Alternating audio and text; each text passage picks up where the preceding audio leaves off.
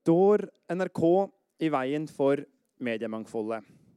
Jeg har ikke peiling, og det var jammen greit, for det er ikke jeg som skal svare på det heller. Jeg er eh, bare en skarve leder av Bergen Journalistlag, som arrangerer dette, og heter Jens Kiel.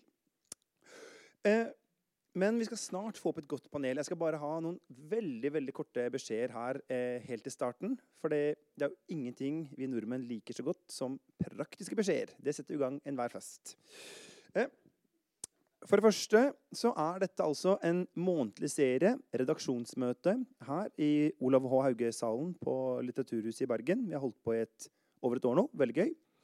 Og neste møte er 10. mars. Det er vi i styret som eh, lager disse møtene. Og temaene ble valgt jeg vil si, etter innfalls- og utfallsmetoden. Så det er bare å komme med forslag hvis man har temaer som man syns er ålreite, og som kunne vært verdt å ta en debatt for. Eh, så er det sånn at 13. Eh, mars da er det Gullparaplyen, som er den store prisfesten for eh, journalister her i vest. Og de som, av dere som er journalister i salen, burde kute av gårde og få kjøpt dere en billett. Og på lørdag, søndag, i helga i hvert fall, så 8. februar, så er fristen for å sende inn bidrag. I fjor så tror jeg at vi klarte å eh, dynge ned juryen med ca. 180 bidrag. Stakkars. Og jeg tenker vi skal gjøre det, at de skal få det enda litt verre i år. Så er det sånn at Den beste måten å få vite om disse arrangementene på, det er å følge Bergen Journalistlag på Facebook. Der heter vi Damtra, Bergen Journalistlag. Og dette møtet blir strømma på våre Facebook-sider, og det blir kanskje også strømma på Facebook-sidene til Medie24. Hvem veit? Um, og det ble også tatt opp og lagt ut som eh, podkast i Litteraturhuset sin Littpod-serie, som man kan søke opp. Sånn at eh, eh F.eks. der nå så ligger møtet vi hadde før jul, som handla om hvordan vi lager skikkelig bra klimajournalistikk. Så hvis noen av de panelet sier noe utrolig dumt eller kjempesmart, så kan man finne det for all ettertid der. Så blir det sånn at eh, etter hvert så skal det bli åpent for spørsmål fra salen. Eh, men først så må vi jo kanskje dra i gang selve panelet. Og da skal jeg ikke gjøre annet enn å ønske opp eh, kveldens møteleder, som er Astrid Dalehaug Norheim, som og er nyhetsredaktør i avisa Dagen. Vær så god, Astrid. Tusen takk. Eh, jeg eh, har gleden av å ønske velkommen opp resten av eh, panelet. Eh, først Mari Welsand, direktør i Medietilsynet. Vær så god. Så er det du vil, Hvis du kommer nærmest til meg her. ja. Og så er det Trond Olav Skrunes, eh, heimvendt nyhetsredaktør i Bergens Tidende. Velkommen hjem. Velkommen hit. Sigvald Sig uh, Sveinbjørnson, sjefredaktør i BA Bergensavisen. Og den som skal svare på alle spørsmål som kommer til NRK. Velkommen opp, Sindre Helgheim, nyhetssjef i NRK Vestland, som det heter nå. Nå må jeg bare spørre tekniker, står de i rett rekkefølge her i forhold til Ja! Traff på første forsøk. Det er veldig bra. Eh, Mari Velsand, Først må vi høre litt eh, fra deg hvordan det egentlig står til her. Eh, du er direktør i Medietilsynet. I tillegg så kjenner du jo oss ganske godt. Du har jo vært både distriktsredaktør i NRK Hordaland og styreleder i BA. Ja. Eh, nå våker du over det hele og sikrer mediemangfoldet. Hvordan står det til, egentlig? Er NRK med å fremme mediemangfoldet, eller er NRK med å svekke det? Nå gjorde vi i Medietilsynet en uh, stor undersøkelse, eller egentlig flere undersøkelser, som til sammen ble en uh, rapport tilbake til 2018, uh, eh, nettopp om NRK og mediemangfold. Før for langt å, å, gå i detalj om den, men det vi i hvert fall så på, var hvordan NRK bidro til mediemangfoldet i kraft av seg selv og sitt allmennkringkastingsoppdrag. Ehm, i hvilken grad NRK samarbeidet med andre eh, til beste for mediemangfoldet. Eh, og så så vi på eh, hvorvidt NRKs digitale tilstedeværelse hadde konsekvenser for de kommersielle aktørene, og eventuelt hvilken effekt det hadde på tilbudet til publikum. Og hva fant dere? Ja, Da fant vi for det første at NRK absolutt bidrar positivt til mediemangfoldet i Norge. I kraft av det oppdraget som NRK har. Og derigjennom også da har en positiv effekt på det samlede tilbudet til publikum. Så så vi spesifikt på NRKs digitale tilbud i noen markeder. Gjorde konkrete konkurranseanalyser i det nasjonale markedet, og spesielt her i Hordaland og i Sogn og Fjordane. Og da fant vi at de kommersielle aktørene var likere hverandre enn de var like NRK. Sånn at F.eks. så var det en større konkurranse mellom BT og BA enn mellom avisene og NRK. Og så er det selvfølgelig sånn at NRK eh, er jo en konkurrent, det skulle bare mangle. Eh, men vi fant ikke at eh, det var vesentlige konkurransebegrensninger i de konkrete markedene som vi da analyserte. Men Kan du si litt om hvordan dere kom fram til den konklusjonen? For Hvis man tenker rammebetingelsene her, NRK får milliarder uten å trenge å selge abonnement og uten å trenge å selge reklame, og så sier man likevel at det, det er ikke konkurransevridende. Hvordan kom dere frem til den konklusjonen? Det var jo eh, konkrete innholdsanalyser, f.eks. Sammenligne det tilbudet som, som, var, og se på hvordan eh, de ulike aktørene var i, i, de markedene som vi analyserte. Eh, den konkurranseanalysen eh, var det Menon Economics eh, som gjorde for oss. Eh, innholdsanalyser hadde vi bistand fra medieforskere på. Så satte vi alt dette her i, i en, en kontekst. Eh, så det var da eh, noen av konklusjonene. En annen viktig ting som vi så på eh, ved hjelp av medieforskere ved universitetet her i byen, var hvorvidt det påvirket da betalingsviljen for digitalt innhold, bruk av NRKs innhold. Mm. Og det fant man da ikke Eh, dokumentert at eh, det påvirket det. Men det var andre faktorer. Det var ganske interessant. fordi at eh, En av de viktigste faktorene var hvorvidt man tidligere hadde betalt for papiravis. Altså var vant mhm. til å betale for redaksjonelt innhold. I hvilken grad man var interessert i og brukte redaktørstyrte medier. Og utdanning var også et element som talte med i forhold til dette med betalingsvillighet for eh, redaksjonelt innhold. Så de som da hadde, har betalt tidligere for en papiravis, de var mer villige til å betale? Helt riktig. Høyere utdanning var mer ja. villige til å betale? Ja. Og det tredje var Og hvis man eh, i stor grad eh, var en nyhetsbruker, altså var ja. interessert i eh, nyheter, eh, mm. f.eks. Eh, lokale nyheter, mm. Var man eh, mer villig også til å eh, betale for nyheter digitalt. Mm. Du, den rapporten er to år gammel. Eh, utviklingen i Medie-Norge skjer jo veldig fort. Eh, og vi lurer jo på er betalingsviljen tatt ut? Eh, er potensialet tatt ut? Eh, står disse konklusjonene seg ennå? Eller er den utdatert? Ja, Nå er det jo to år siden, som, som du sa. Eh, så eh, jeg kan jo ikke stå her og si at det er akkurat sånn i dag, eller at det er eh, annerledes på den ene eller den andre måten. dette var det bildet som var Eh, da vi laget denne rapporten i 2018. Eh, men det, jo, eh, det, ble jo også gjort en undersøkelse, eller er en rapport fra 2015 som hadde mange av de samme konklusjonene. Mm. Sånn at det har jo vært gjort flere undersøkelser eller flere rapporter som på mange måter viser det samme bildet. Mm. Um, og det som er viktig sett fra vårt ståsted, og det som vi i Medietilsynet er opptatt av, det er jo uh, dette med mediemangfold, og at publikum skal ha et best mulig tilbud. Mm. Uh, og Vi sa jo også i den rapporten at uh, og anerkjente de utfordringene som de kommersielle aktørene har. og det er klart at når avisene har mistet over 30% av annonseinntektene sine på fem år, mm. Eh, så forstår alle at det er en utfordrende situasjon å være i. Eh, det eh, ser vi og anerkjenner og påpekte også i den rapporten. Men vi sa også at det er ingenting som tyder på at NRK er årsaken til disse problemene, og mm. ei heller at man ville løse utfordringene for de kommersielle ved å begrense NRKs handlingsrom digitalt. Da er faren, tror vi, større for at man vil redusere mediemangfoldet, eh, enn at det vil styrkes. Riktig.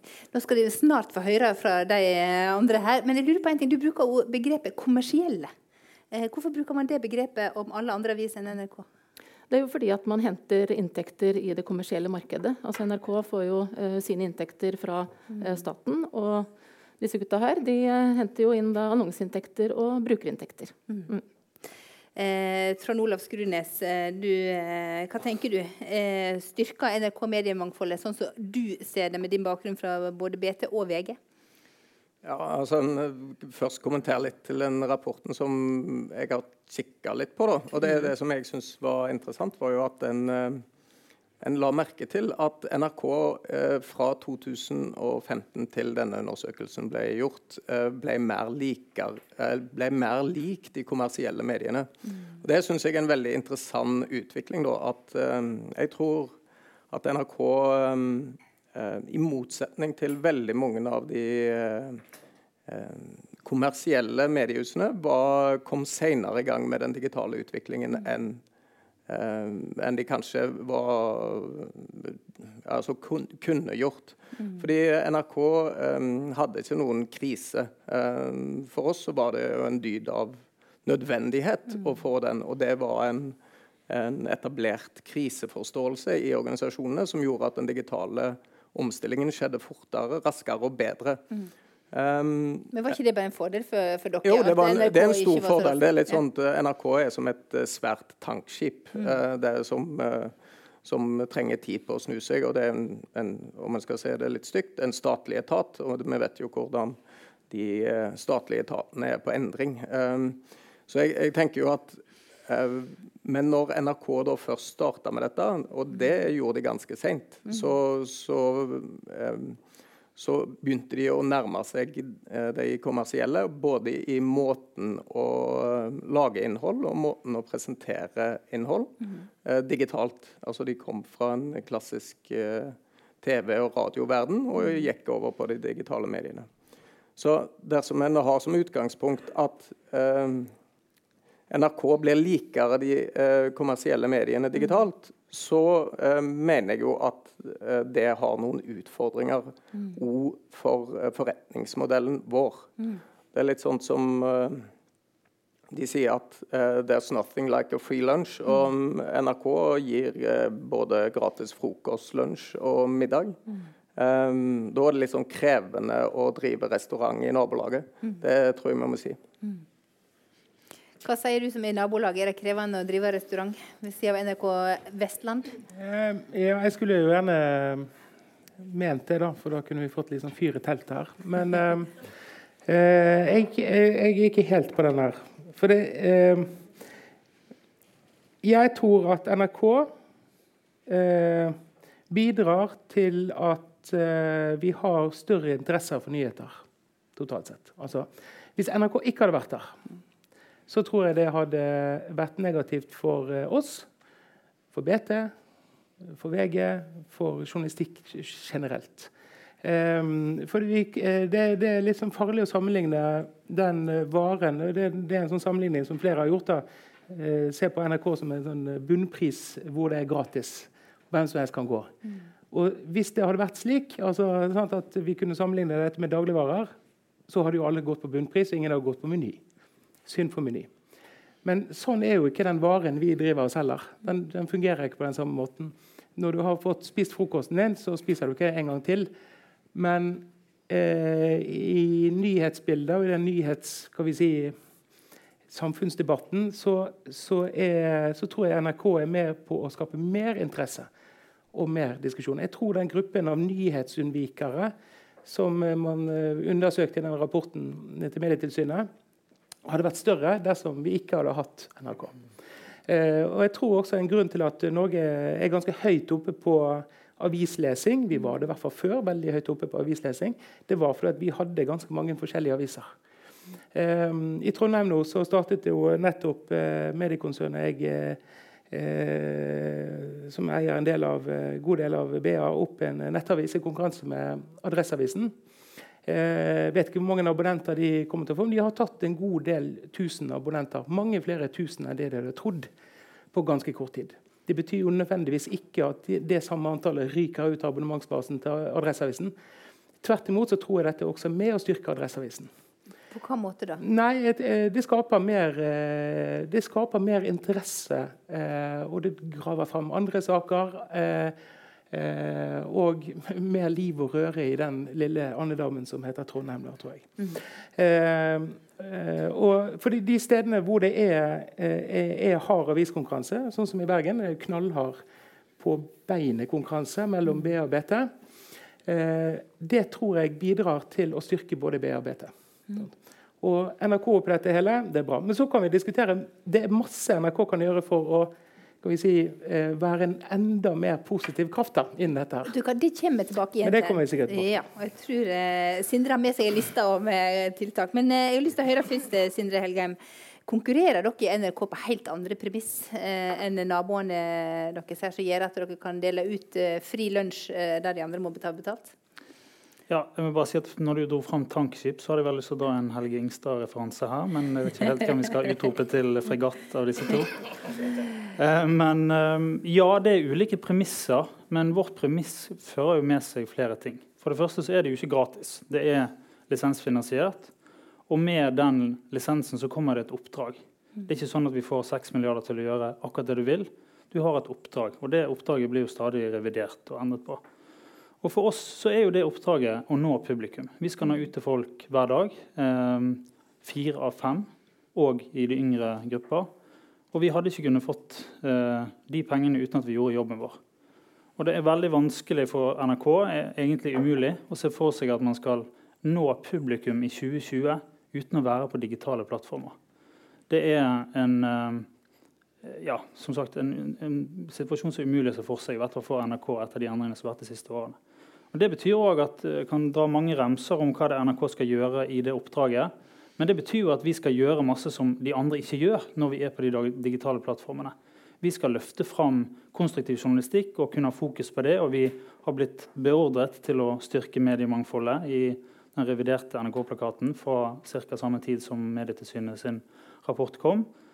Og en haug med andre ting som vi må ta høyde for, og som vi er heldige som skal følge eh, når vi får de pengene vi får. Mm. Så ja, konkurransen, konkurransen, i Bergen, da, som er det som jeg kjenner best, og Hordaland, den har jo egentlig vært veldig god. Jeg er veldig i, i tråd med Sigvald som, eh, som, i den forstand at Bergen er en ganske bra nyhetsby, en ganske bra medieby. Og at NRK de siste årene, ja, selv om tankskipet tok litt tid å komme seg ut fra terminalen, så, så har man kommet på en ganske god kurs. Man har vært med og bidratt til at nyhetsdekningen av Bergen og ikke minst Hordaland har vært god. At du har en allmennkringkaster som tar saker fra Feie, Sveio, Bergen og Førde og løfter det opp til et nasjonalt publikum. Og Det er det som er hovedoppdraget vårt. Vi skal ikke løpe etter avisene, gå de i næringen. Vi skal finne de sakene i vårt område som er, som er interessant for hele Norge. Mari Velsen. Jeg bare uh, kom på en ting når du sa det. Uh, fordi at uh, En av de tingene som vi da fant, og som står i den rapporten vår fra 2018, var jo at et av de viktigste områdene som NRK bidrar til dette mediemangfoldet på, er nettopp gjennom distriktsvirksomheten sin og regionsendingene sine. Og den dekningen av det regionale nivået er det jo ikke så mange andre som har. Og vet ikke hvordan det er med BT, men dere har vel også liksom, fra at dere større grad dekket en større del av Vestlandet tidligere, eh, konsentrert mer eh, mot Bergen, eh, hvis jeg har forstått det riktig. Det er nok riktig. ikke sant? så det at du faktisk har et NRK som da skal, ifølge sitt oppdrag, være til stede og dekke regionene i landet, det er jo noe som f.eks. ikke så mange andre gjør. Men nå har vi jo mange lokalaviser. da. Vi har jo lokalaviser i Nordhordland og i Hardanger og i Sunnhordland. Eh, vil ikke NRK eh, være med og svekke dem? Som er gode på resten av eh, Vestland? Jeg tror jo, og det kan jo du svare for bedre enn meg, eh, men, men sånn som NRK erget, så vil jo ikke jeg tro at de kan konkurrere med lokalavisene i alle områdene der vi har lokalaviser. Eh, de er jo helt lokale i sin dekning og fyller jo en unik og viktig rolle, de også i forhold til mediemangfoldet. Eh, men NRK sin strategi også har jo vært i større grad å løfte opp saker eh, fra de ulike områdene i landet og opp på et nasjonalt nivå, for derigjennom å synliggjøre hele landet. Så jeg tenker jo at man gjennom litt ulike måter Eh, å løse sine samfunnsoppdrag på, til sammen mm. bidrar på litt ulikt vis mm. til at vi i Norge er så heldige å ha et så stort og allsidig mediemangfold som vi faktisk har. Mm. For det har vi. Ja, ja, eh, jeg, jeg, tror egentlig ikke det er noen som er imot at NRK uh, har en eksistensberettigelse og har en funksjon. Altså, jeg er òg glad i NRK. Eller glad, det jeg var kanskje trekke det vel langt. Men eh, jeg, jeg, jeg, jeg syns de, de, de er kjekkest når de er flinke på TV og radio. Eh, sånn at det, det, er lettere å forholde seg til. Um, men, men det en i hvert fall må kunne diskutere, er mandatet. Altså hvor um, Det har vært en utvikling i mandatet ja. til NRK. og det, det, Vi må ikke ha en sånn berøringsangst for mm. liksom, at en sånn type aktør som NRK er, mm. at det faktisk har en påvirkning på de øvrige aktørene mm. i og hvor henne er, henne er, det kritiske punktet? Nei, altså, um, og der, der, tror jeg liksom um, Er det riktig uh, at NRK skal være den mest aggressive uh, aktøren på sosiale medier for å spre innholdet på en uh, annen plattform, f.eks.? Mm. Um, i, I, går så var jeg innom NRK eh, Nyheter, som er jo den viktigste nyhetsformidleren. Og de hadde da en 16-17 eh, poster på Facebook. Mm. Så hvis du ganger opp det med Hvis de har da en eh, tilsvarende publisering, så er det jo mange tusen publiseringer bare for fra den ene kontoen til eh, NRK, mm. som er på eh, nyheter. Men hva er problemet med at de, Nei, altså, Må ikke de, de, de være der folk er? Ja, men, men, de har en mye mer aggressiv altså De publiserer jo mer eh, på Facebook enn det en normal lokalavis gjør i løpet av en hel dag. Mm. På egne flater. Altså, det, det, må gå an å diskutere men hvorfor, hvordan Hvorfor er det et problem? Nei, altså Det at en bidrar til en en, uh, altså en uh, aktør som egentlig er vår største konkurrent. En, det er ikke NRK som har ødelagt uh, avisenes forretningsmodell, det er det jo Google og Facebook som har gjort. Mm. Så litt sånn, Det at NRK kan gå veldig tungt ut der uten at det egentlig har noen konsekvenser for det. For oss så har det potensielt konsekvenser. og VG, som jeg jo kjenner godt, de har jo eh, over 80 direkte trafikk til, til eh, sin eh, side. Og har ikke like tung eh, satsing på Facebook. Mm. Eh, Sigvart?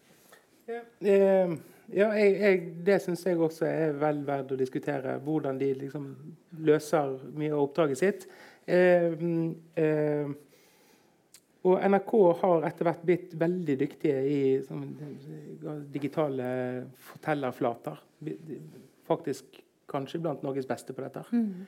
Um, de ligger godt hestehode foran både Skipsted og, og oss i Media. Og, uh, og sånn, for de har, de har, satset ganske målretta og godt på det.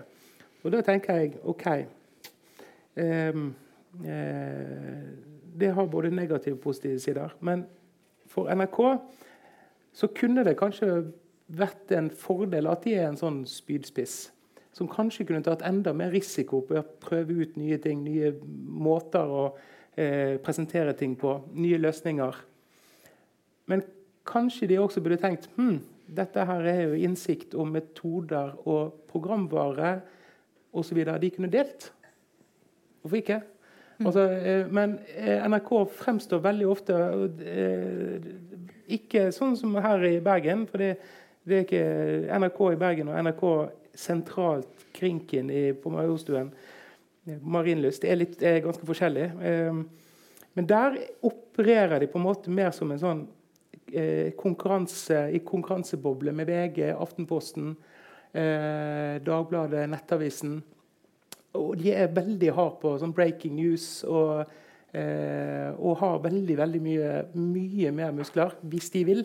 Mm. Eh, det, var, det, var, kanskje ikke planen helt i begynnelsen. fra. Mm. Så der kunne man eh, der kunne, kunne vi i mediebransjen vært mye flinkere til å utfordre det. Sindre, du skal få ordet. Jeg må bare få høre med dere. Mener dere at eh, NRK kan, skal lage veldig god journalistikk, men de skal ikke være aggressive i sosiale medier, og de skal ikke presentere det på en god digital måte? Jo da. Det, det syns jeg de skal være. Bare, ja. det, og, og, jeg syns at de skal få frihet til å bli enda bedre på dette. her. Ja. Men de kan også vise vei og prøve ut ting som vi ikke har råd til å prøve ut. Mm. Og dele med Amedia og med ja. Eller hvem som vil. Ja. Ja, altså, det, det, er liksom grader av ting her. da. Mm. Liksom, jeg har slutta å publisere ting på sosiale medier. Eller, eh, altså, det er jo ikke der vi skal. Men, men jeg tror liksom um, i de redaksjonelle prioriteringene, publiseringsstrategien til NRK, mm. så må det gå an å ha en diskusjon rundt om er dette en, en fornuftig måte å, å, for oss å drive det med den helt eh, altså spesielle situasjonen som, mm. som vi er i som, eh, som, rikskringkaster og statlig finansiert, eller brukerfinansiert, om en vil kalle det det. Du har fått, eh, bedt om ordet lenge. Eh, du har fått flere utfordringer her. Eh, bør dere være mindre aggressive i sosiale medier og, og mer modig og mer delingsvillig? Um, nei, ja, ja.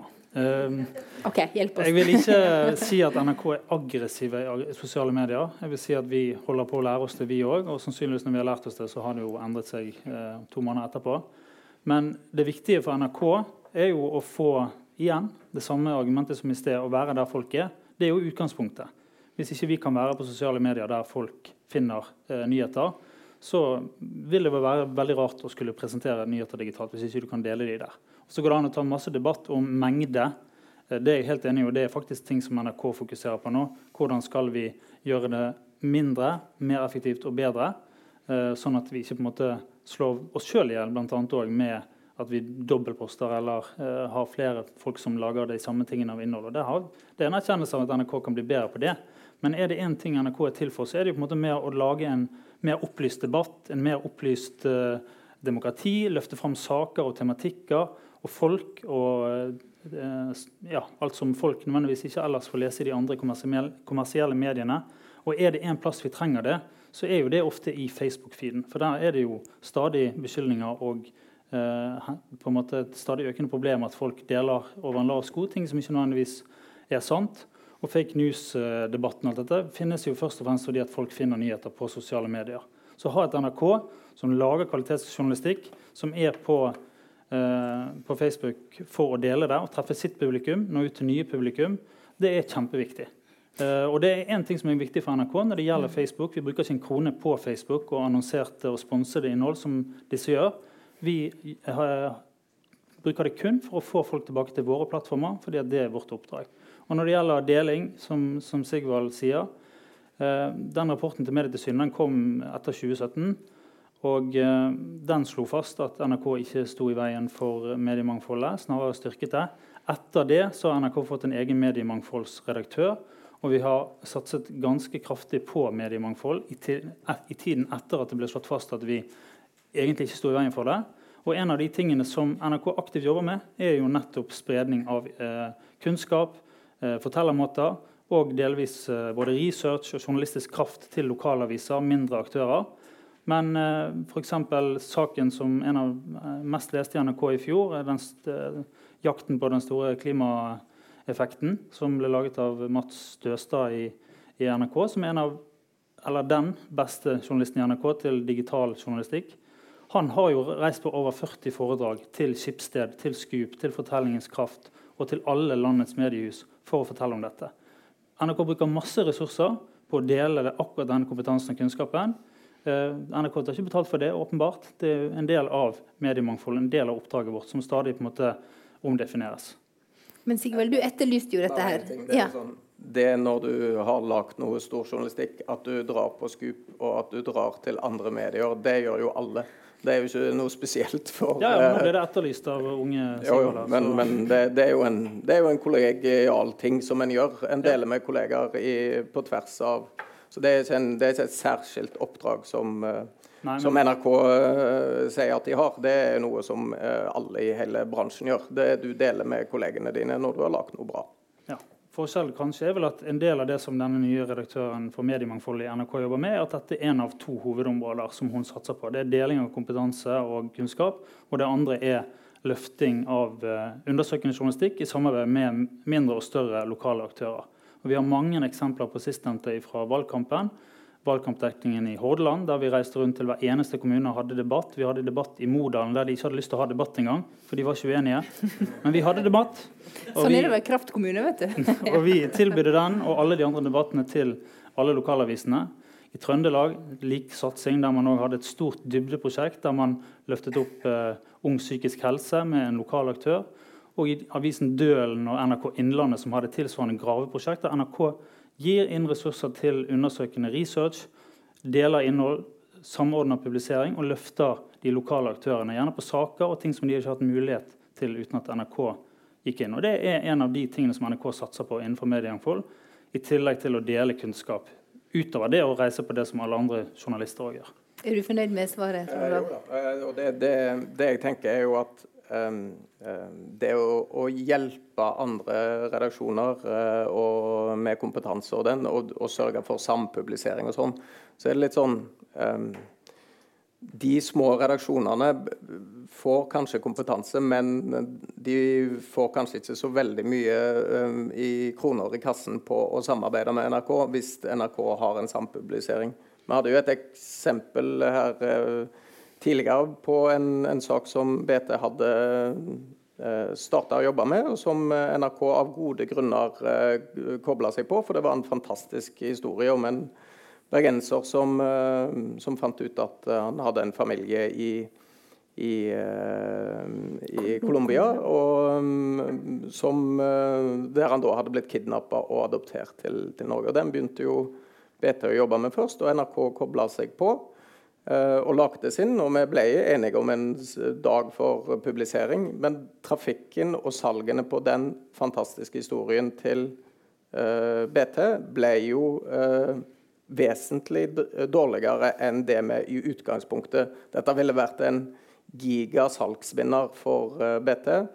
Um, og NRK sin sak var òg uh, eh, fin og god, og i det hele tatt, men den var jo åpen, og jeg forsto at den var en av de mest leste. Så Jeg sier ikke at dere skulle latt være å lage den saken, men det illustrerer et poeng at òg i en sånn konkurranse så, så, så får det konsekvenser for for de mediehusene som òg inngår et, eh, et, et eh, publiseringssamarbeid, da, vil jeg si. Men ville ikke det vært en fordel for dere hvis de lot være å gjøre den saken? Jo da, det hadde vært bedre om uh, Sigvald hadde gjort det, for han hadde jo lagt uh, bak mur i likhet med oss. Mm. Uh, så da kunne vi kjempe på like fot, vil jeg tro.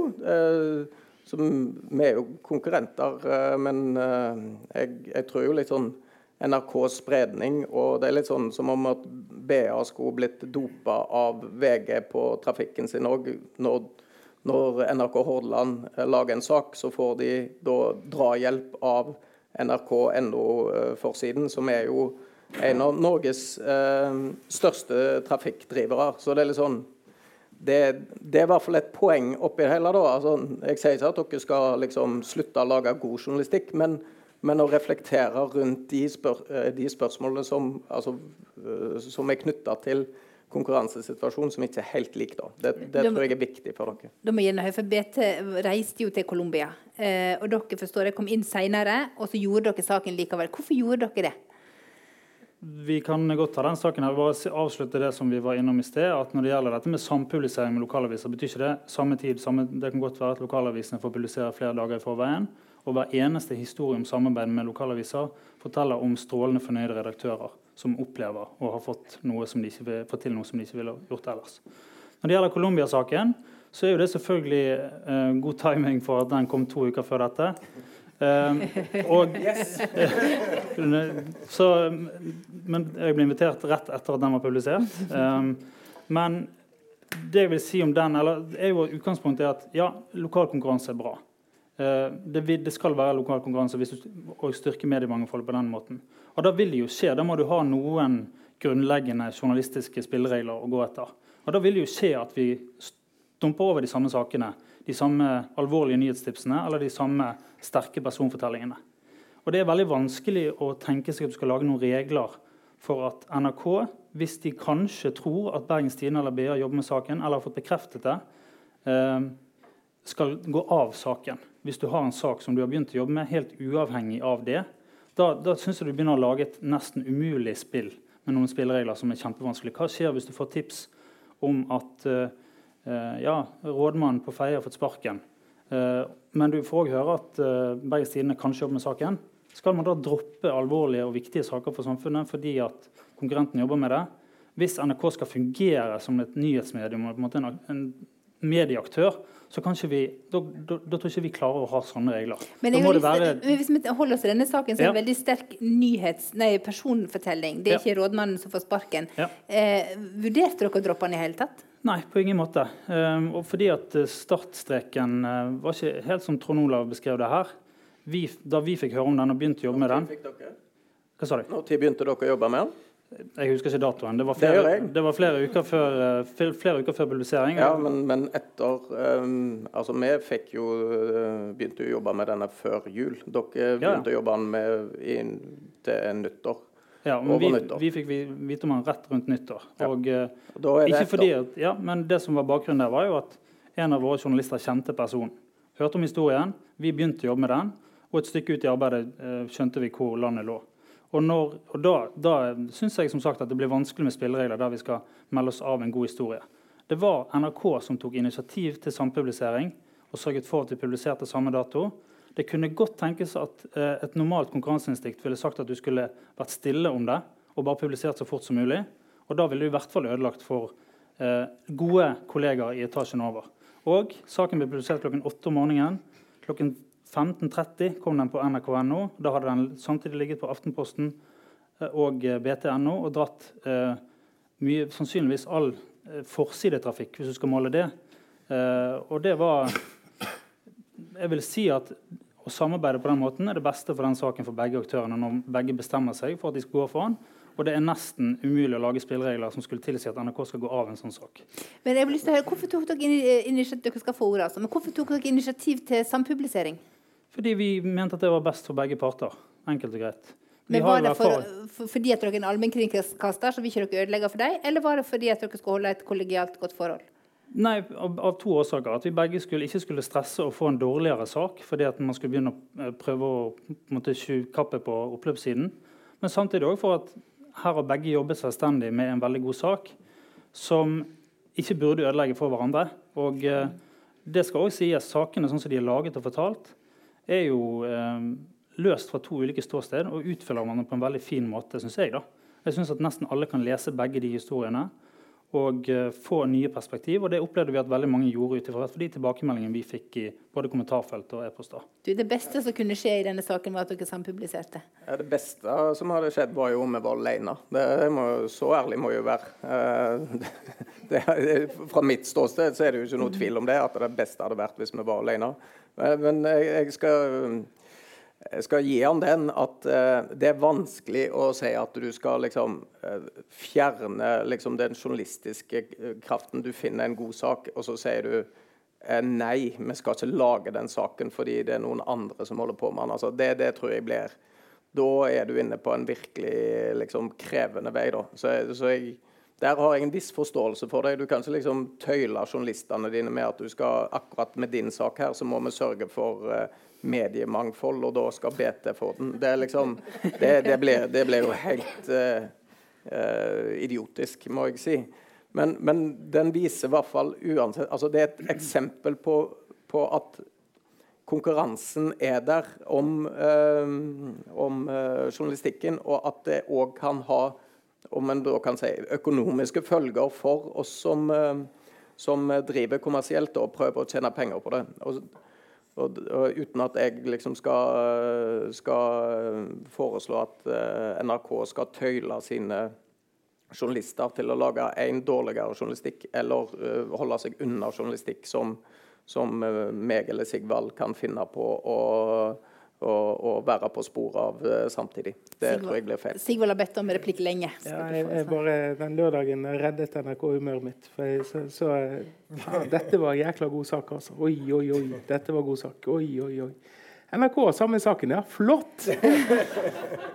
eh, da Ja. Eh, jeg forstår, jeg forstår begge. Eh, og Jeg tror også det er vanskelig med sånne kjøreregler. og, og sånt, Men det er, det er, noe, det er noe, sånn eh, Vi som jobber det kommersielle, da, jeg skylder å fortelle at uh, Medietilsynet en gang i året sender oss en ikke ubetydelig sjekk. Eh, som, som, er ganske nødvendig for at vi skal greie å, å overleve som en nummer to-aktør. Mediemarkedet er altså, til forskjell fra andre markeder, så er det en sånn enorm fordel å være den største aktøren. Eh, både i abonnementsmarkedet, i, eh, i annonsemarkedet, i tipsmarkedet osv. Det å være den største avisen gir enorme fordeler. Medieøkonomien er skrudd sammen litt annet enn andre økonomier. Ehm, eh, så det er begrunnelsen for at vi får produksjonsstøtte. Men la nå det ligge. Det som er Eh, altså, jeg tror det er sånn som BT og BA og alle aviser som lever av opplag. Vi er veldig opptatt av å, å se om stoffet vårt treffer leserne på kort og på lang sikt.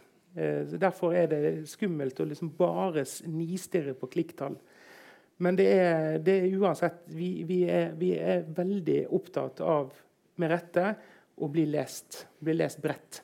Mm. Eh, og det som har skjedd i NRK de siste årene, som kanskje er litt av grobunnen til at eh, både Trond Olav og, og jeg tror det eller er litt sånn, eh, skeptisk, er at ja, den type tankegang, veldig, en veldig sånn kommersiell tilnærming, bruker de samme si, tankegangen som det vi har, eh, virker å være veldig viktig for NRK.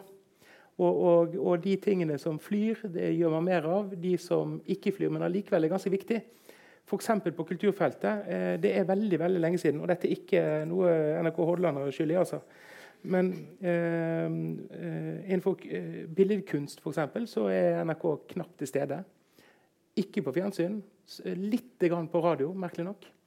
Eh, eh, men der er de faktisk ganske gode. ja, sant?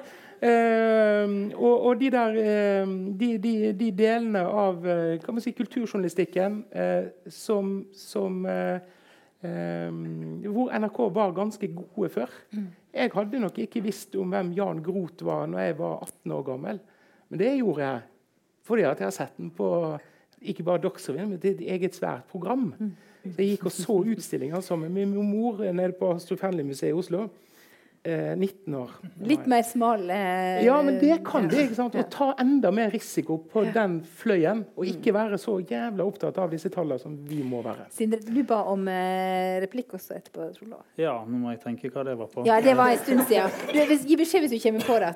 Eh, ja, nei, altså, jeg syns det er et godt uh, poeng, da. Um, um, og jeg, jeg syns at uh, NRK har en viktig funksjon, og, og, kanskje en skulle bruke enda mer tid på å lete etter de, um, de hvite feltene. Uh, som i, og da snakker jeg ikke bare geografisk, men òg på, på saksfelt. Um, det er mer enn nok altså steder der det trengs god og viktig journalistikk, som jeg òg tror har et, et, om jeg skal si, kommersielt potensial, som vi i de kommersielle mediene ikke dekker. Så hvis dere eh, jobber mer med å finne ut hvordan kan dere eh, være brede, men likevel med å dekke eh, felt som som, uh, som, ikke blir dekka av uh, de øvrige kommersielle kreftene. Det Den ballen har jeg lyst til å sende til deg. Eh, jeg tegnet med også, fordi ja. at uh, Det du sier der, er jo et veldig viktig poeng. Uh, og Det er også noe av grunnlaget til at NRK faktisk nå også får inn i NRK-plakaten, som jo er der oppdraget blir definert, at NRK skal ha et særlig ansvar nettopp for blindsoner eller hvite flekker, eller hva du kaller det, både geografisk og tematisk. Eh, og så må man jo se etter hvert hvor er det de blindsonene er. Eh, men, men, det er jo nettopp fordi at NRK eh, sin rolle som allmennkringkaster tilsier at man også skal ha den type ansvar. Så det er jo en av de tingene som vi vil følge med på framover. Vi i Medietilsynet gjør jo årlig en, en, vurdering av hvordan NRK fyller det oppdraget som NRK har. Eh, og det er jo et stort og bredt eh, oppdrag. Eh, både geografisk og, og, tematisk så er det veldig mange ting som er ramset opp i NRK-plakaten. Men det at man har fått inn dette ansvaret for de blindsonene, tror jeg er viktig. Og det er noe som vi kommer til å følge med på framover. Og så har jo dette med at NRK har et selvstendig ansvar for mediemangfoldet også kommet inn i NRK-plakaten. Du var så vidt inne på det. Uh, og dette med å se på hvordan NRK kan samarbeide med andre, er jo også noe som vi har vært opptatt av. Uh, det så vi på i rapporten vår, og påpekte noen uh, utviklingsområder der. jeg opplever at NRK har svart på at det, det, er de enige i, og det ansvaret er de klare til å ta. Og så får vi følge med på framover hvordan det gir seg utslag i praksis. Men det kan jo både handle om Eh, redaksjonelle samarbeid, det kan handle om infrastruktur, eh, det å, å dele ting, eh, kompetansetiltak, åpne opp. Du har vært inne på noe av det. Så jeg tenker Der er det jo et, et potensial for at NRK med alle sine ressurser også kan bidra overfor andre aktører. Så Det er også noe som vi kommer til å følge med på framover, og som NRK må rapportere på når de skal fortelle oss hvordan de mener at de har oppfylt sitt oppdrag.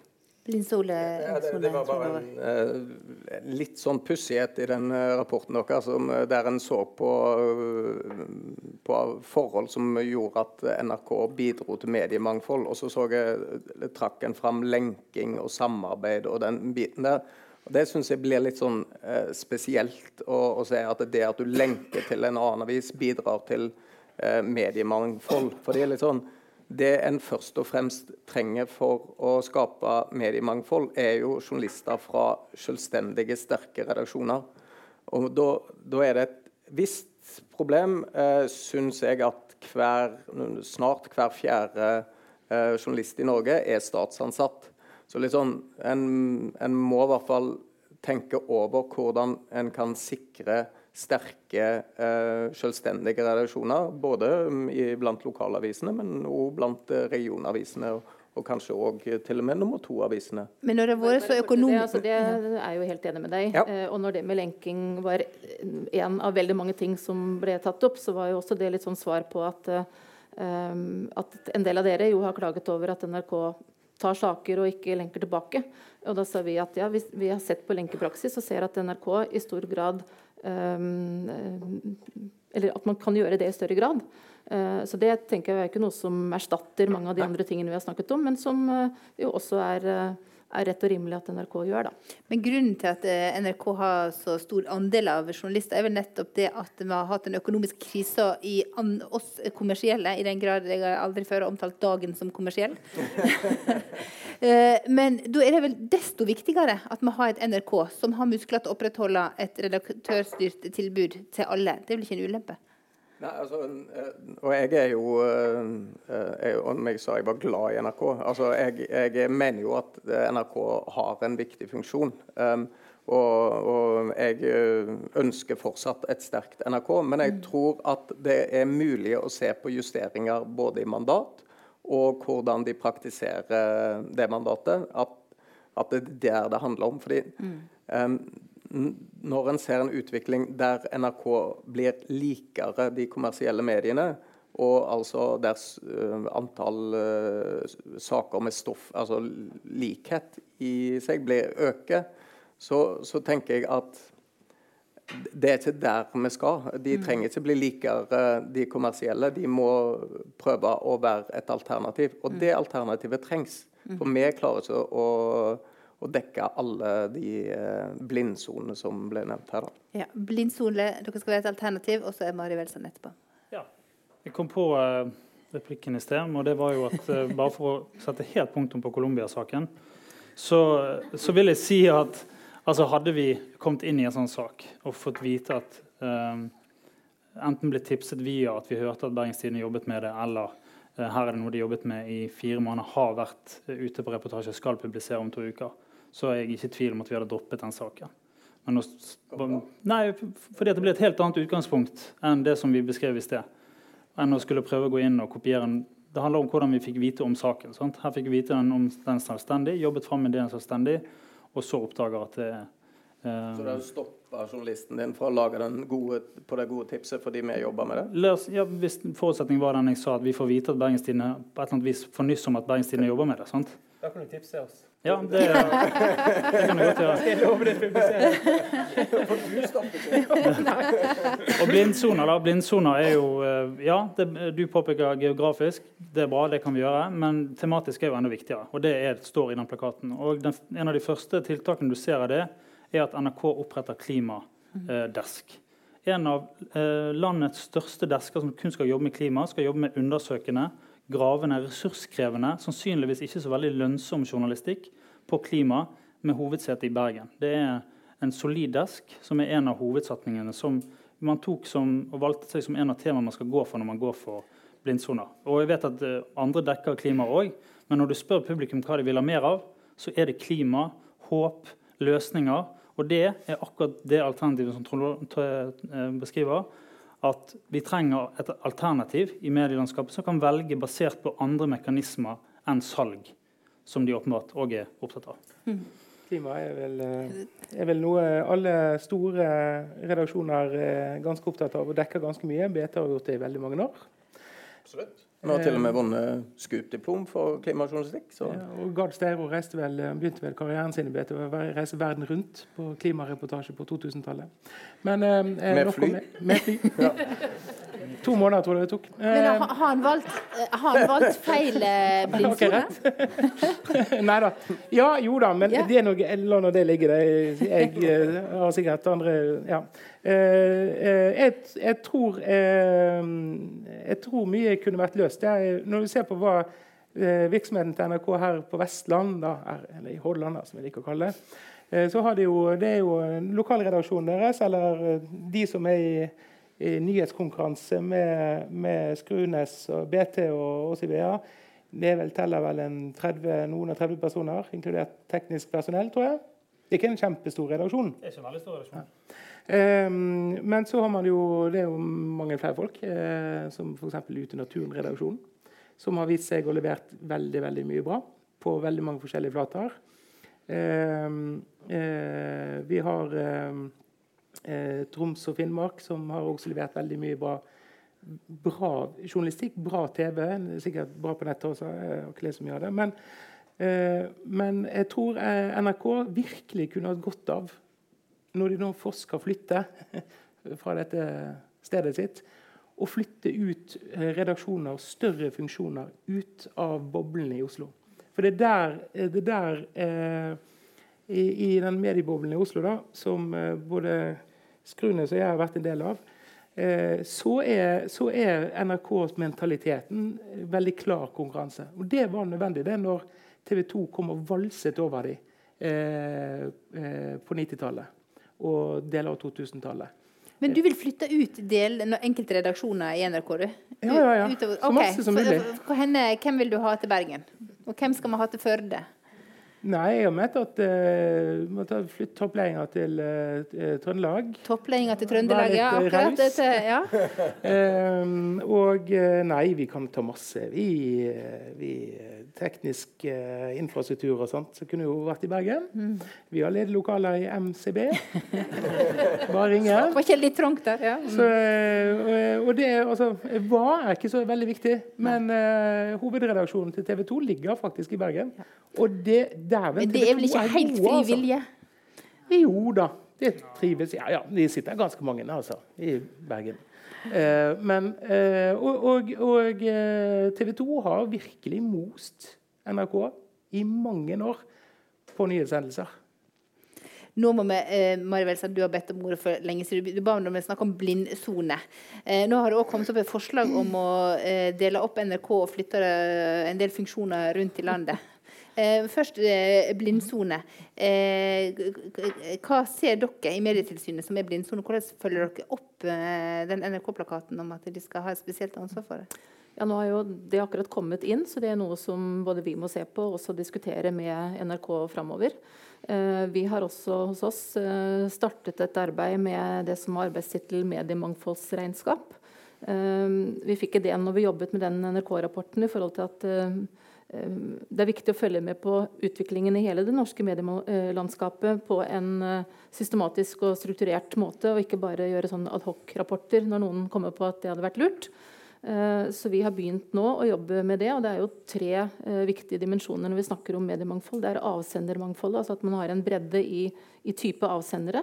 Og så er det jo innholdsmangfold, og så er det bruksmangfold. Altså det handler jo om også i hvilken grad vi som brukere tar i bruk da, det mediemangfoldet som finnes. Mm. Um, så det jobber vi med å se på hvordan vi kan få opp noen indikatorer som gjør at vi kan følge med på det framover. Mm. Og så har jo også, uh, er det jo også nå bestemt at Stortinget skal gi uh, såkalte fireårige styringssignaler framover. Eh, både for NRK, altså i forhold til oppdraget og i forhold til økonomiske rammer, eh, og i forhold til den direkte mediestøtten, eh, som bl.a. BA nyter godt av. Det er jo for å få et, et mer langsiktig og litt mer forutsigbarhet inn i dette. Uh, og det er jo viktig for mediemangfoldet at man har alle disse typer aktørene. Dere som, uh, eller Din avis, som jo er et nisjemedium, de trenger vi. Vi trenger de regionale, vi trenger de lokale, vi trenger de nasjonale. Uh, vi trenger de store, vi trenger utfordrerne. så det å legge til rette for dette mediemangfoldet gjennom ulike offentlige eller statlige virkemidler som vi har. men det er selvfølgelig også viktig at de kommersielle har et driftsgrunnlag som gjør det mulig. Um, og, og, da er det jo viktig, uh, sånn som man er godt i gang med, å klare å få brukerinntektene over i det digitale. Uh, men så er det noe vi ikke har snakket om ennå, som jeg har lyst til å bringe opp, som er viktig. og det er jo at Nå snakker vi om den uh, lokale og til en viss grad den nasjonale konkurransen. Den virkelig store konkurransen den er jo mot de globale aktørene. Og Det gjelder jo både om folks tid og oppmerksomhet og bruk, og det gjelder jo om annonsekronene. Eh, og når vi ser på hvordan mediebruken til de unge er, eh, og hva de bruker mest tid på, så er jo det ingen av dere. Det er jo eh, Netflix og Snapchat og TikTok som kommer rasende opp nå blant de aller yngste. Mm. Så det er jo virkelig en, en utfordring i, i, dette bildet her. Mm.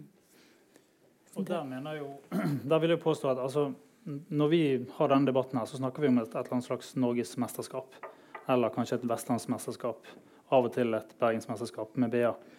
Men det det er snakk om, som, som vi er inne på her, er jo Dette handler jo om noe langt større. Det er jo ikke oss sjøl som er de største konkurrentene, det er jo de utenlandske mediene. Det er vel noe sånt som hver tredje krone fra Medie-Norge som forsvinner utenlands, til disse store som Skrunes allerede har eh, advart oss mot. Og NRK sin rolle i å på en måte stå imot det, er jo å styrke norsk offentlighet.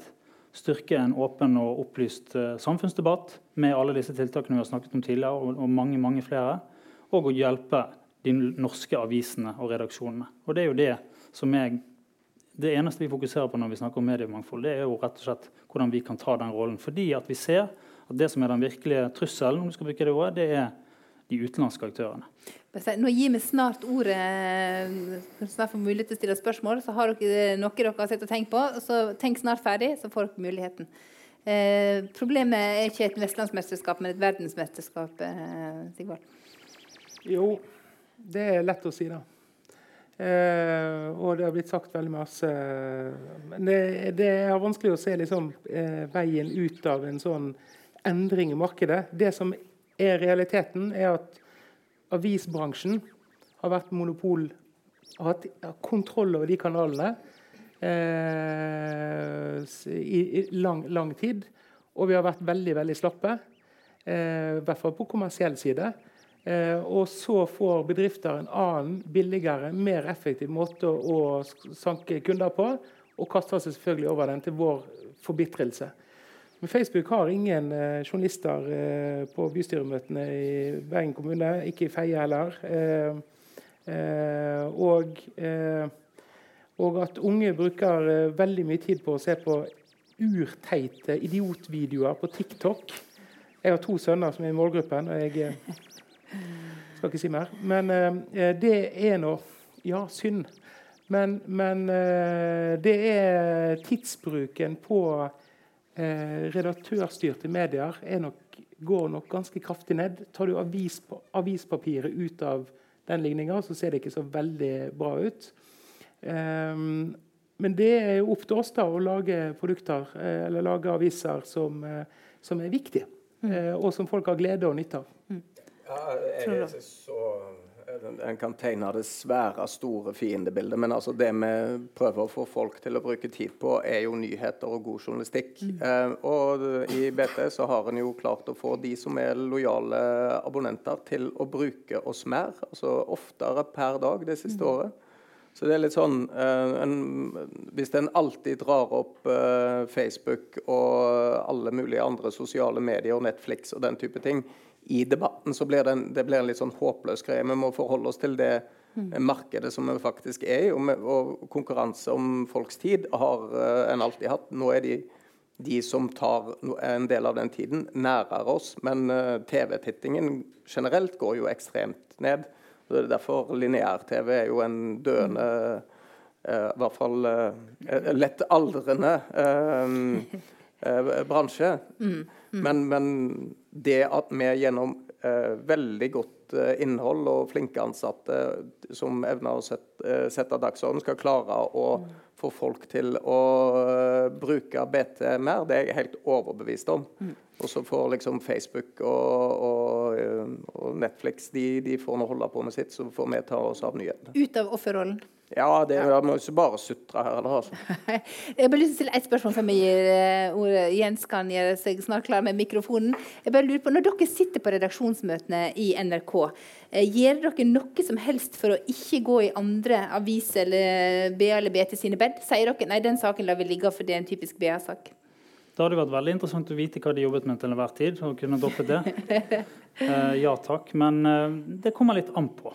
Ja. Um, hvis det er en stor serie uh, eller en, en, langvarig dekning over noe, så mener jeg at det skal litt til for å gå inn og på en måte sitere enkeltsaker, skrive en sitatsak, lenke til Bergens Tidende og kanskje ringe en kilde sjøl, når de eier produktet. Er det type barnefattigdom-reportasjeserie? Eh, ja, barnefattigdom eh, var det jo NRK som laget først under valgkampen, med en stor eh, dybde og grunn, eh, grundig journalistikksak i disse, disse digitale formatene, som ble Eh, tatt eh, opp og videre eh, av Bergens Tidende og løst på en måte som kanskje vi burde gjort enda mer. at vi hadde mer laget en serie ut av det. Men jeg tror jo det er viktig både for BT og BA. og Jeg opplever jo, har jo hørt at både Øyulf avtroppene, eller avtroppet, og Sigvald sjøl mener jo at NRK i for liten grad siterer de lokale mediene. De ønsker jo at NRK skal ta sakene og løfte de, komme på Dagsnytt 18, bli en sak i eh, Dagsrevyen og følges opp på radio neste morgen. Og det gjør vi Eh, de gangene vi mener dette er en viktig sak fra vårt område som vi bør løfte. Og vi gjør det mye mindre enn før, men vi tar mye mer kvalifiserte valg på når vi faktisk gjør det.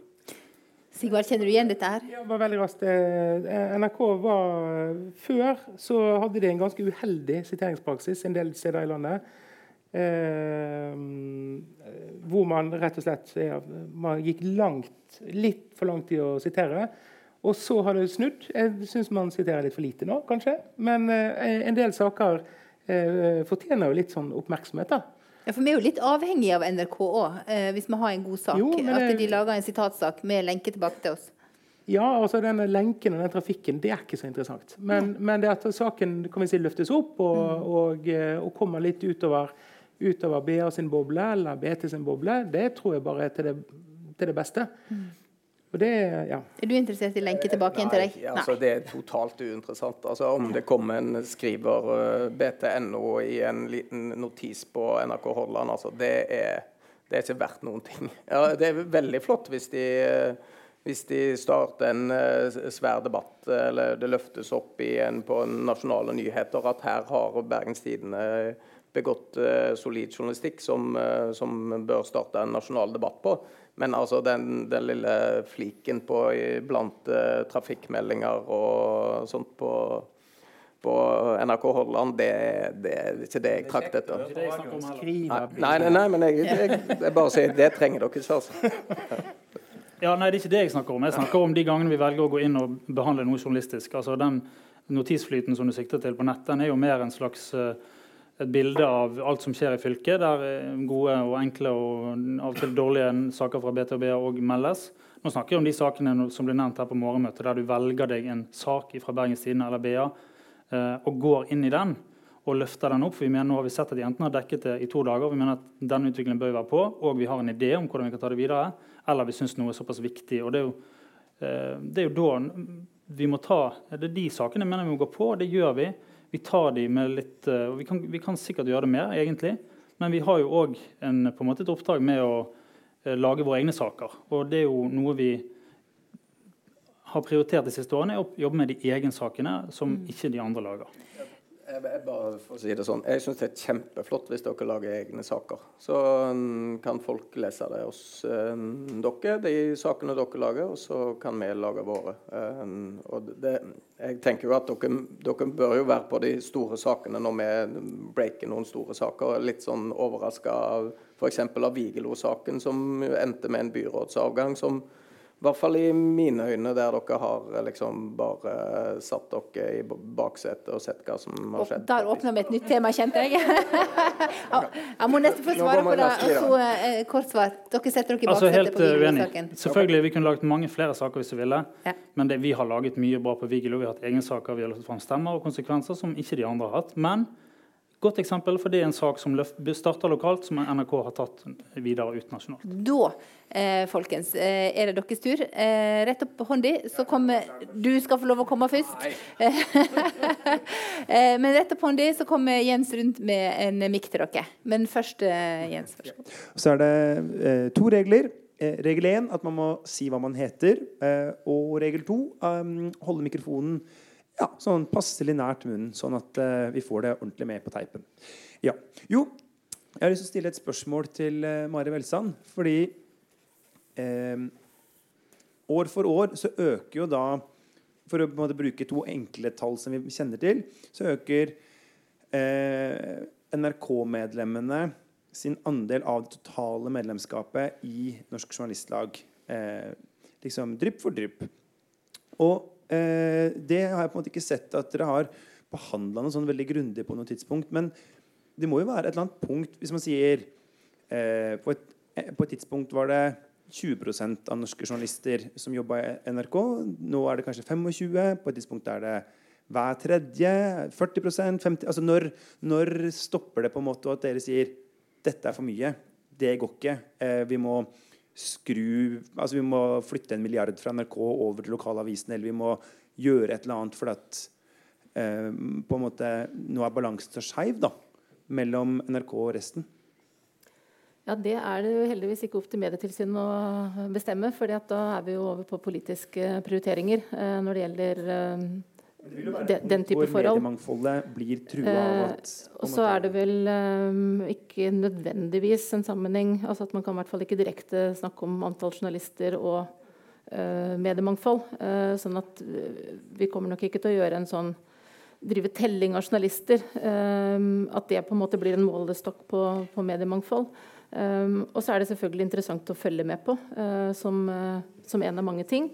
Eh, men det som først og fremst er vårt fokus, det er jo eh, mediemangfoldet da i et som sagt, avsender-, innholds- og bruksperspektiv. Eh, og så er det altså hensynet til at publikum skal ha et størst mulig mangfold. Så Det er på en måte det som først og fremst er vårt fokus, og det som vi følger med på. Men, men alle veit jo at en redaksjon med færre journalister blir dårligere. Det sier jeg ikke bare fordi at jeg er eh, fagforeningsfyr, det sier jeg fordi det er sant. Altså, når Dagens Næringsliv sier nå skal vi kutte 25 journalister og lage en mye bedre avis enn før, så veit jo alle at det er bare tull. sant? Eh, og at det er sånn som det er sånn at vi redaktør, betaler redaktører for at de er nødt til å stå og si i, media. Så vi, ikke sant? Men, eh, men sånn at vi veit jo at selvfølgelig har mediemangfoldet er jo tett knytta til hvem har det på jobb, hvor mange er de, er de flinke, kan de sakene sine? Eh, og at om de er plassert alle sammen under den samme kringkastingssjefen, eller om de er plassert i konkurrerende medier med ulike ideologiske ståsteder, ulike plasseringer i landet, altså ulike profiler. Det vil jo ha kjempemasse å si for mediemangfoldet. Det er jo Altså, det er jo journalister som er utgangspunktet for. Det, så jeg sier jo på ingen måte at det ikke er interessant. Eh, så ser vi jo også nå at Eh, det er ganske mange som har ansatt flere journalister eh, det, det siste året, i hvert fall. Eh, så det Fra at mange nedbemannet, så ser vi jo at det er en del som er på vei opp. Vi kartlegger jo den økonomiske utviklingen i mediene hvert år. Og nå så vi jo at for 2018, som er de siste tallene som vi foreløpig har, Eh, så var det første gang siden 2011 at eh, det totale inntektsnivået eh, var stabilt i avisene. Og vi så at kostnadene økte noe fra at kostnadene har gått ned. Og mange har også ansatt flere journalister. Så det ser i hvert fall liksom ut til at en del da, bl.a. fordi at man lykkes bedre i brukermarkedet, også har kunnet ansette flere journalister. Vi har jo til og med hatt nyetableringer. Eh, som jo også er positivt for mediemangfoldet. Du var inne på det, Sigvald, i, i, i Trondheim. Eh, så det skjer i hvert fall noe der også. Dette er selvfølgelig en del av utviklingen som det er viktig å følge med på. Jeg hiver inn som en sånn dødsbra indikator til det her mediemangfoldsbarometeret deres. Ja. ja. og det følger med på det. Bare en kommentar til eh, det. Det er jo en um, I BT, når jeg kom inn i ja, i 2008-2009 et eller annet sted der, så var det 220 journalister eller NJ-medlemmer i, i, eh, i, BT. Og nå er en rundt 90 eller der omkring, vil jeg tippe. Eh, og det, det, det sier noe om den utviklingen. så at en da altså etter alle disse årene til slutt klarer å stabilisere det, så har du jo da altså stabilisert det på et veldig mye lavere nivå. og det, det, er ikke, og I og med at vi diskuterer NRK her nå, så, så er ikke, det er virkelig ikke NRK sin, sin feil. Dette er, jo, uh, dette er, jo, den økonomiske utviklingen for de, men, men det sier noe òg om den muligheten til å drive uh, nok og lage nok bråk, om en skal si det sånn, da, som, som, og da trenger en journalist. Men lager dere mye bedre avis i 2009? Nei, altså jeg, eh, Journalister eh, er blitt veldig mye flinkere. Altså, jeg, kom, eh, jeg, tror journalister i dag er veldig mye flinkere enn når jeg var journalist. skulle jeg ikke si. Eh, eh, for det, denne utviklingen fortsetter. og en er mer effektiv, en har bedre verktøy, en har bedre researchmuligheter, en forteller bedre. så jeg, jeg, tror liksom kvaliteten som en lager nå, men, men jeg tror òg at Um, bredden i det vi lager, er ikke like uh, god som den var uh, på det tidspunktet når jeg kom inn i mediebransjen. I 2009 eh, da var jeg også kristen livsjournalist. Da møtte jeg, når jeg var ute på kirkemøte andre plasser, så møtte jeg journalister fra en hel bredde av media. Og nå sitter de stort sett alene sammen med Vårt Land. Ja. Ja.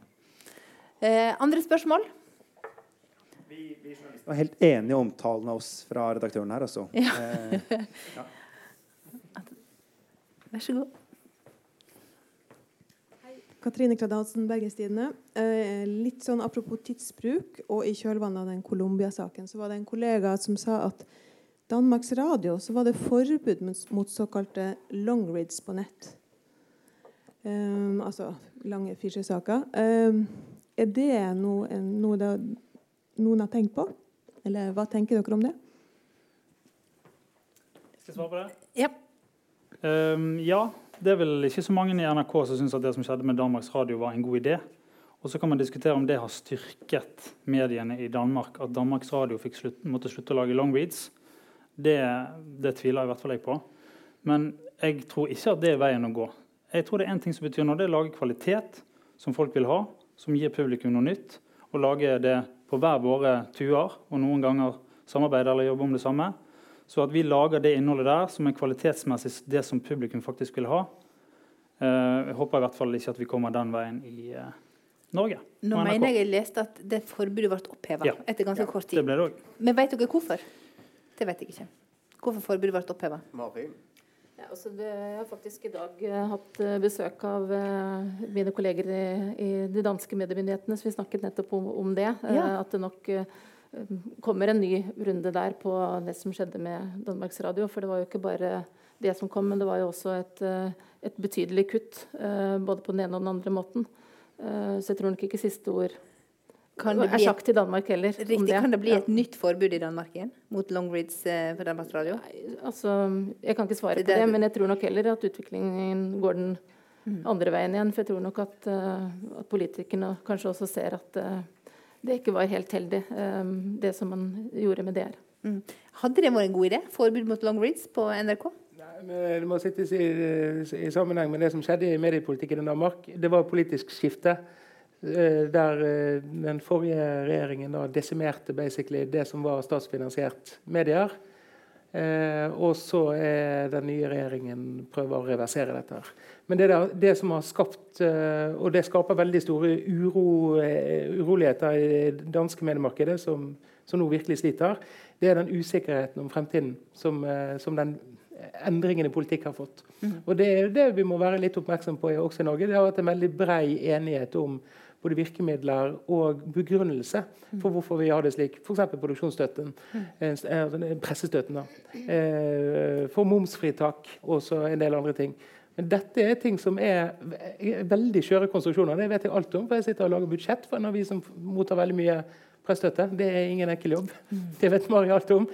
Eh, eh, og, og, sånn er det for ganske mange eh, aviser som er en liten del i en ganske stort, intrikat eh, økosystem. Mm. Faller noen, så faller mange. Riktig. Fikk du svar på spørsmålet ditt? Flott. Det er nytt spørsmål her. Ja.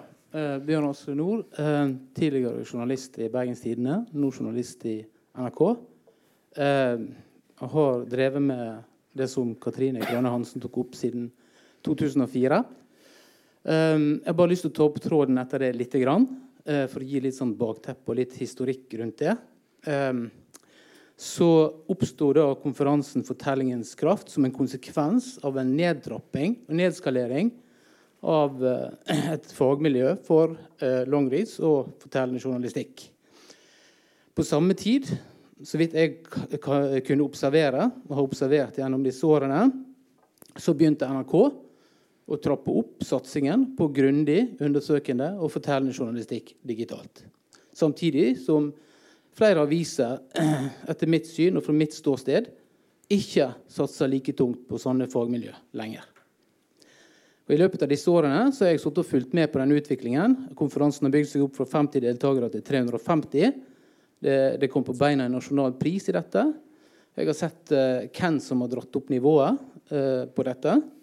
Og der, der, har NRK gått i front og dokumentert eh, at det også er et marked og et behov for dette ute blant publikum. Eh, det forbauser meg litt egentlig at ikke, på en måte, eh, at ikke man skjønte dette litt før eh, i, i, flere andre aviser. Eh, for man satt på dataen og lesertallene og, alt som skulle til for å kunne opprettholde nivået og kvaliteten på denne type journalistikk. Det er viktig å, ha dette bakteppet eh, på plass, tenker jeg. Så det du sier at NRK var en viktig motor for å få til dette fagmiljøet? Ja, og jeg tror at uh, uten at uh, de hadde gjort dette, så, så, vet jeg ikke hva som hadde skjedd med, med denne journalistikken. Om, om, for jeg mener det at De bidrar til å dra andre med seg. For jeg ser at dette funker. Det trekker publikum med seg. Eh, og det, det, fyller et tomrom fordi det er også behov for å bryte gjennom den enorme nyhetsstrømmen. Samtidig som dette har pågått, så har vi òg sett at uh, nyrekruttering skjer uh, i stort sett uh, på ett felt.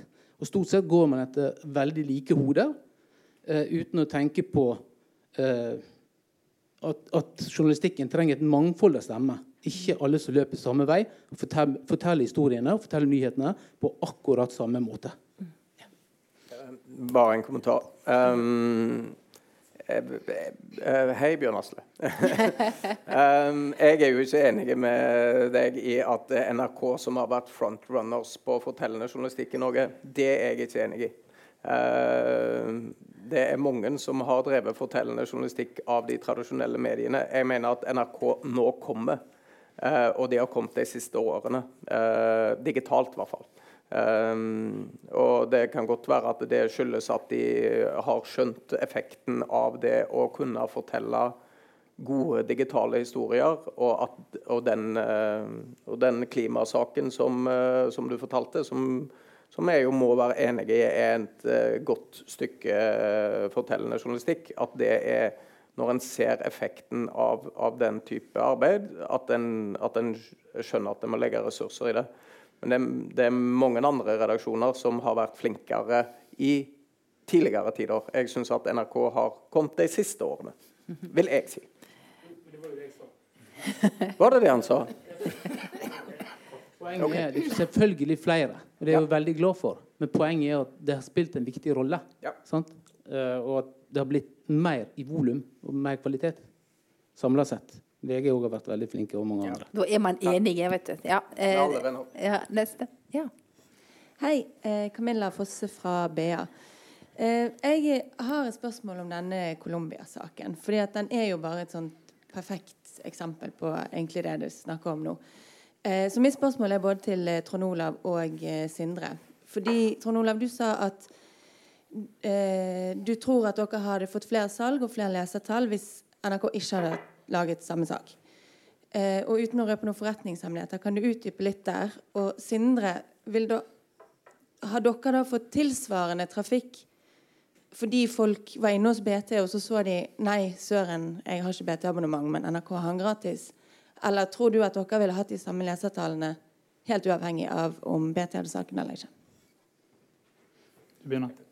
Ja, um, Forretningshemmeligheter tror jeg ikke det. Men, men uh, etter hvert så begynner en jo å få et, uh, visst, en viss feeling på hvilke saker er det som uh, kommer til å bli storselgere, som vil generere mange salg. Og dette er jo en ganske uh, åpenbar sak som vil gjøre det, mener jeg.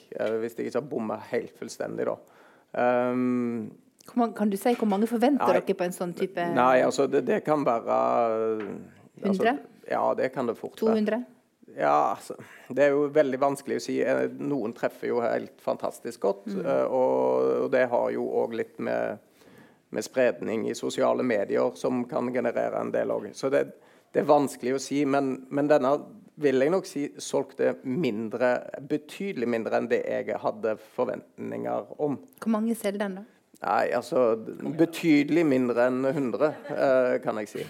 Ja. ja for NRK sin del jeg har ikke peiling på hvor mange vi kanskje har tapt av lesere. Og uh, heldigvis ikke abonnement i vårt, abonnement i vårt fra vår side. Men vi hadde veldig bra trafikk på den saken. Jeg tror vi kunne hatt bedre. jeg tror ikke at Bergens Tidende alene kan ødelegge liksom store deler av trafikken for oss. Vi ser som, regel at når vi lager de sakene, så har vi uh, over 90% av leserne fra andre steder i landet. Og jeg vil tro at Bergens Tidende prim, har primærbasen sin i hvert fall på Vestlandet. Uten at jeg vet det. Men så det veldig umulig for oss å si. Jeg har spurt NRK.no om de tror at det ga noen effekt at denne var ute hos Bergens Tidende. Det mente de ikke. Kanskje Aftenposten. Eh, men vi er fornøyd med lesetallene. Hadde en lignende sak noen uker før som, som var lest enda bedre. Men eh, for vår sak ja. Den er lest eh, ja, rundt 300 000 ganger. Men den hadde en veldig lang hale. Hadde litt treg start og dro lesere på sikt. Det er mer enn vår. og Jeg tror vi kunne hatt mer, men det er egentlig umulig å si. altså. Vi er fornøyd med de tallene. Fikk du svar? Sigvald, du ba om ordet. Ja, jo da, det, jeg tror det, eh, det å se på enkelt, hvordan enkeltsaker selger osv. Det er veldig eh, Selv abonnement er ikke bare én ett salg. Det er en ganske lang relasjon skal det bli noe verdi ut av det. Som dere alle vet, så koster den første måneden nesten ingenting, verken i BT eller i BA. Men verdien ligger jo da i et gjentagende godt produkt hver eneste dag. Eh, så er den type saker ganske viktig å ha et uh, jevnt trykk på. Noe av uh, forklaringen til suksessen til Dagens Næringsliv var jo magasinsaken deres på lørdager. Som gjorde, uh, som, som gjorde, at veldig mange flere enn tradisjonelle næringslivsledere måtte ha avisen. Vi måtte jo ha den. Ja, ja så hva mm. kommer nå? Mm. men det er den jevne, lange som er viktig. altså. Da tar vi et siste spørsmål på bakerste Hverdagsjournalistikken. Okay. Vær så god. Jeg, jeg, reiser meg, jeg, siden det var så langt bak. Eh, Leila Melkvold, ikke medlem i Norsk Journalistlag. Eh, jobber som eh, leder i en kulturinstitusjon og har hatt gleden av å samhandle med flere av de i panelet og mange i deres redaksjoner opp igjennom i mange år. Eh, og for å bringe tilbake igjen til det som var utgangspunktet for debatten, nemlig bidrar NRK til å minske mediemangfoldet, så er min helt klare mening at nei, det gjør NRK ikke. NRK er helt formidable på å levere nyheter fra hele landet. De som derimot bidrar til å redusere mediemangfoldet, det er dere sjøle. Dere tre i panelet og alle representanter for alle medie mediehus. Fordi når eh, NRK her oppe sier at vi må gi folk det folk vil ha, så mener jeg at det er i direkte motsetning til dere snakker om hvite flekker og plakater og forskjellig. Nei, jobben deres er ikke å gi folk det de vil ha. Jobben deres er å gi folk det de trenger å vite. Og apropos klima, det henger godt i hop med ekstremisme. Og PST har vært ute i dag. Eh, så jeg vil utfordre panelet til å svare på hvorvidt dere tar ansvar for å gi folk det de trenger å vite, og ikke bare det de vil ha. Og ikke bare se seg blind på tallene, på lesere og på leselengde og statistikk. Men faktisk gjøre det dere er satt til å gjøre. Sikre folkestyret i dette landet. Vi tar det som en god siste runde i panelet. Eh, det er vi eh, som er med og sjøl reduserer mediemangfoldet. Det er ikke NRK. Kjenner dere dere igjen? Og så tar vi det som en eh, avslutningsrunde her. Svaret er nei. altså aller først, er det viktig? Betyr det noe? Det er jo det første journalister tenker, og redaktører. Altså, de aller fleste journalister er samfunnsengasjerte, ordentlige folk som virkelig vil gjøre en forskjell. Det samme engasjementet som uh, en vil finne i, blant noen uh, kulturentusiaster og ildsjeler, og blant politiske ildsjeler, finnes uh, blant journalistene. Så det er litt sånn Folk jobber steinhardt for ting de mener er viktig. Så det premisset går jeg ikke med på, så derfor svarer jeg nei. Sigvald, er du med å redusere mediemangfoldet? Nei, jeg håper ikke det. Um, men uh, det er jo altså um, Vi må jo på et eller annet vis uh, egge til interesse for det stoffet vi presenterer. Um, og det er ikke alltid like enkelt. Og uh, det er fort å gå i fellen og se seg blind på tallene. Jeg synes ikke vi gjør det. Eh, og aviser som bare følger oppskriften og følger slavisk med hva det er som solgte. Da skal vi gjøre bare det og ikke det som ikke solgte. Og, og, og, og spisse det på den måten. Det, det, tror jeg ikke er en varig løsning. Da tror jeg leserne forsvinner i løpet av ganske relativt kort tid. Sindre, og det mener jeg har belegg for å si. Gir du folk det de vil ha, eller det de trenger? Begge deler. Begge deler. Og hva sier du? Er man, eh, holder vi på å redusere mediemangfoldet i oss sjøl fordi at vi gir folk det de vil ha?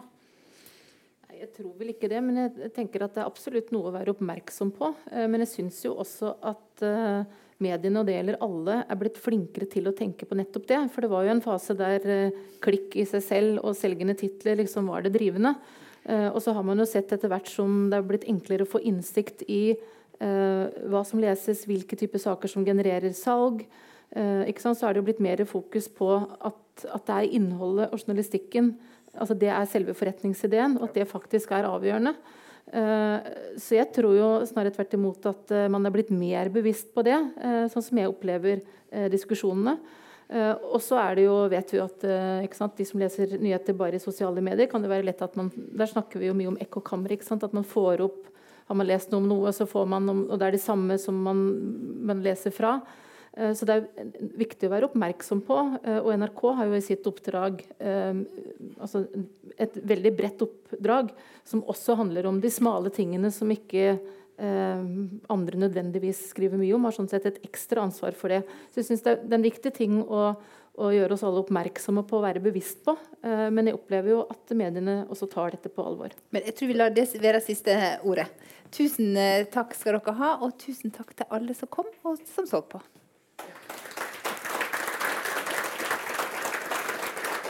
Hjertelig tusen takk til eh, panelet. Og da fikk vi avslutta med at eh, gutta fra media ga seg selv en full frifinnelse. Så da er vi fornøyd med debatten. Eh, styremedlem i Bergen Journalistdag Journalistlag fra, fra, Dagen har kjøpt noe elgpølse fra bibelbeltet til dere. Som er eh, mulig å ha med i håndbagasjen på et fly f.eks. Eh, tilbake til Fredrikstad. Og så ses vi her igjen om en måned. Husk å sende inn eh, bidrag til Gullparaplyen til journalistene blant dere, og ikke minst kjøpe eh, billett. Og så takker jeg bare for et godt oppmøte og en veldig, veldig god debatt.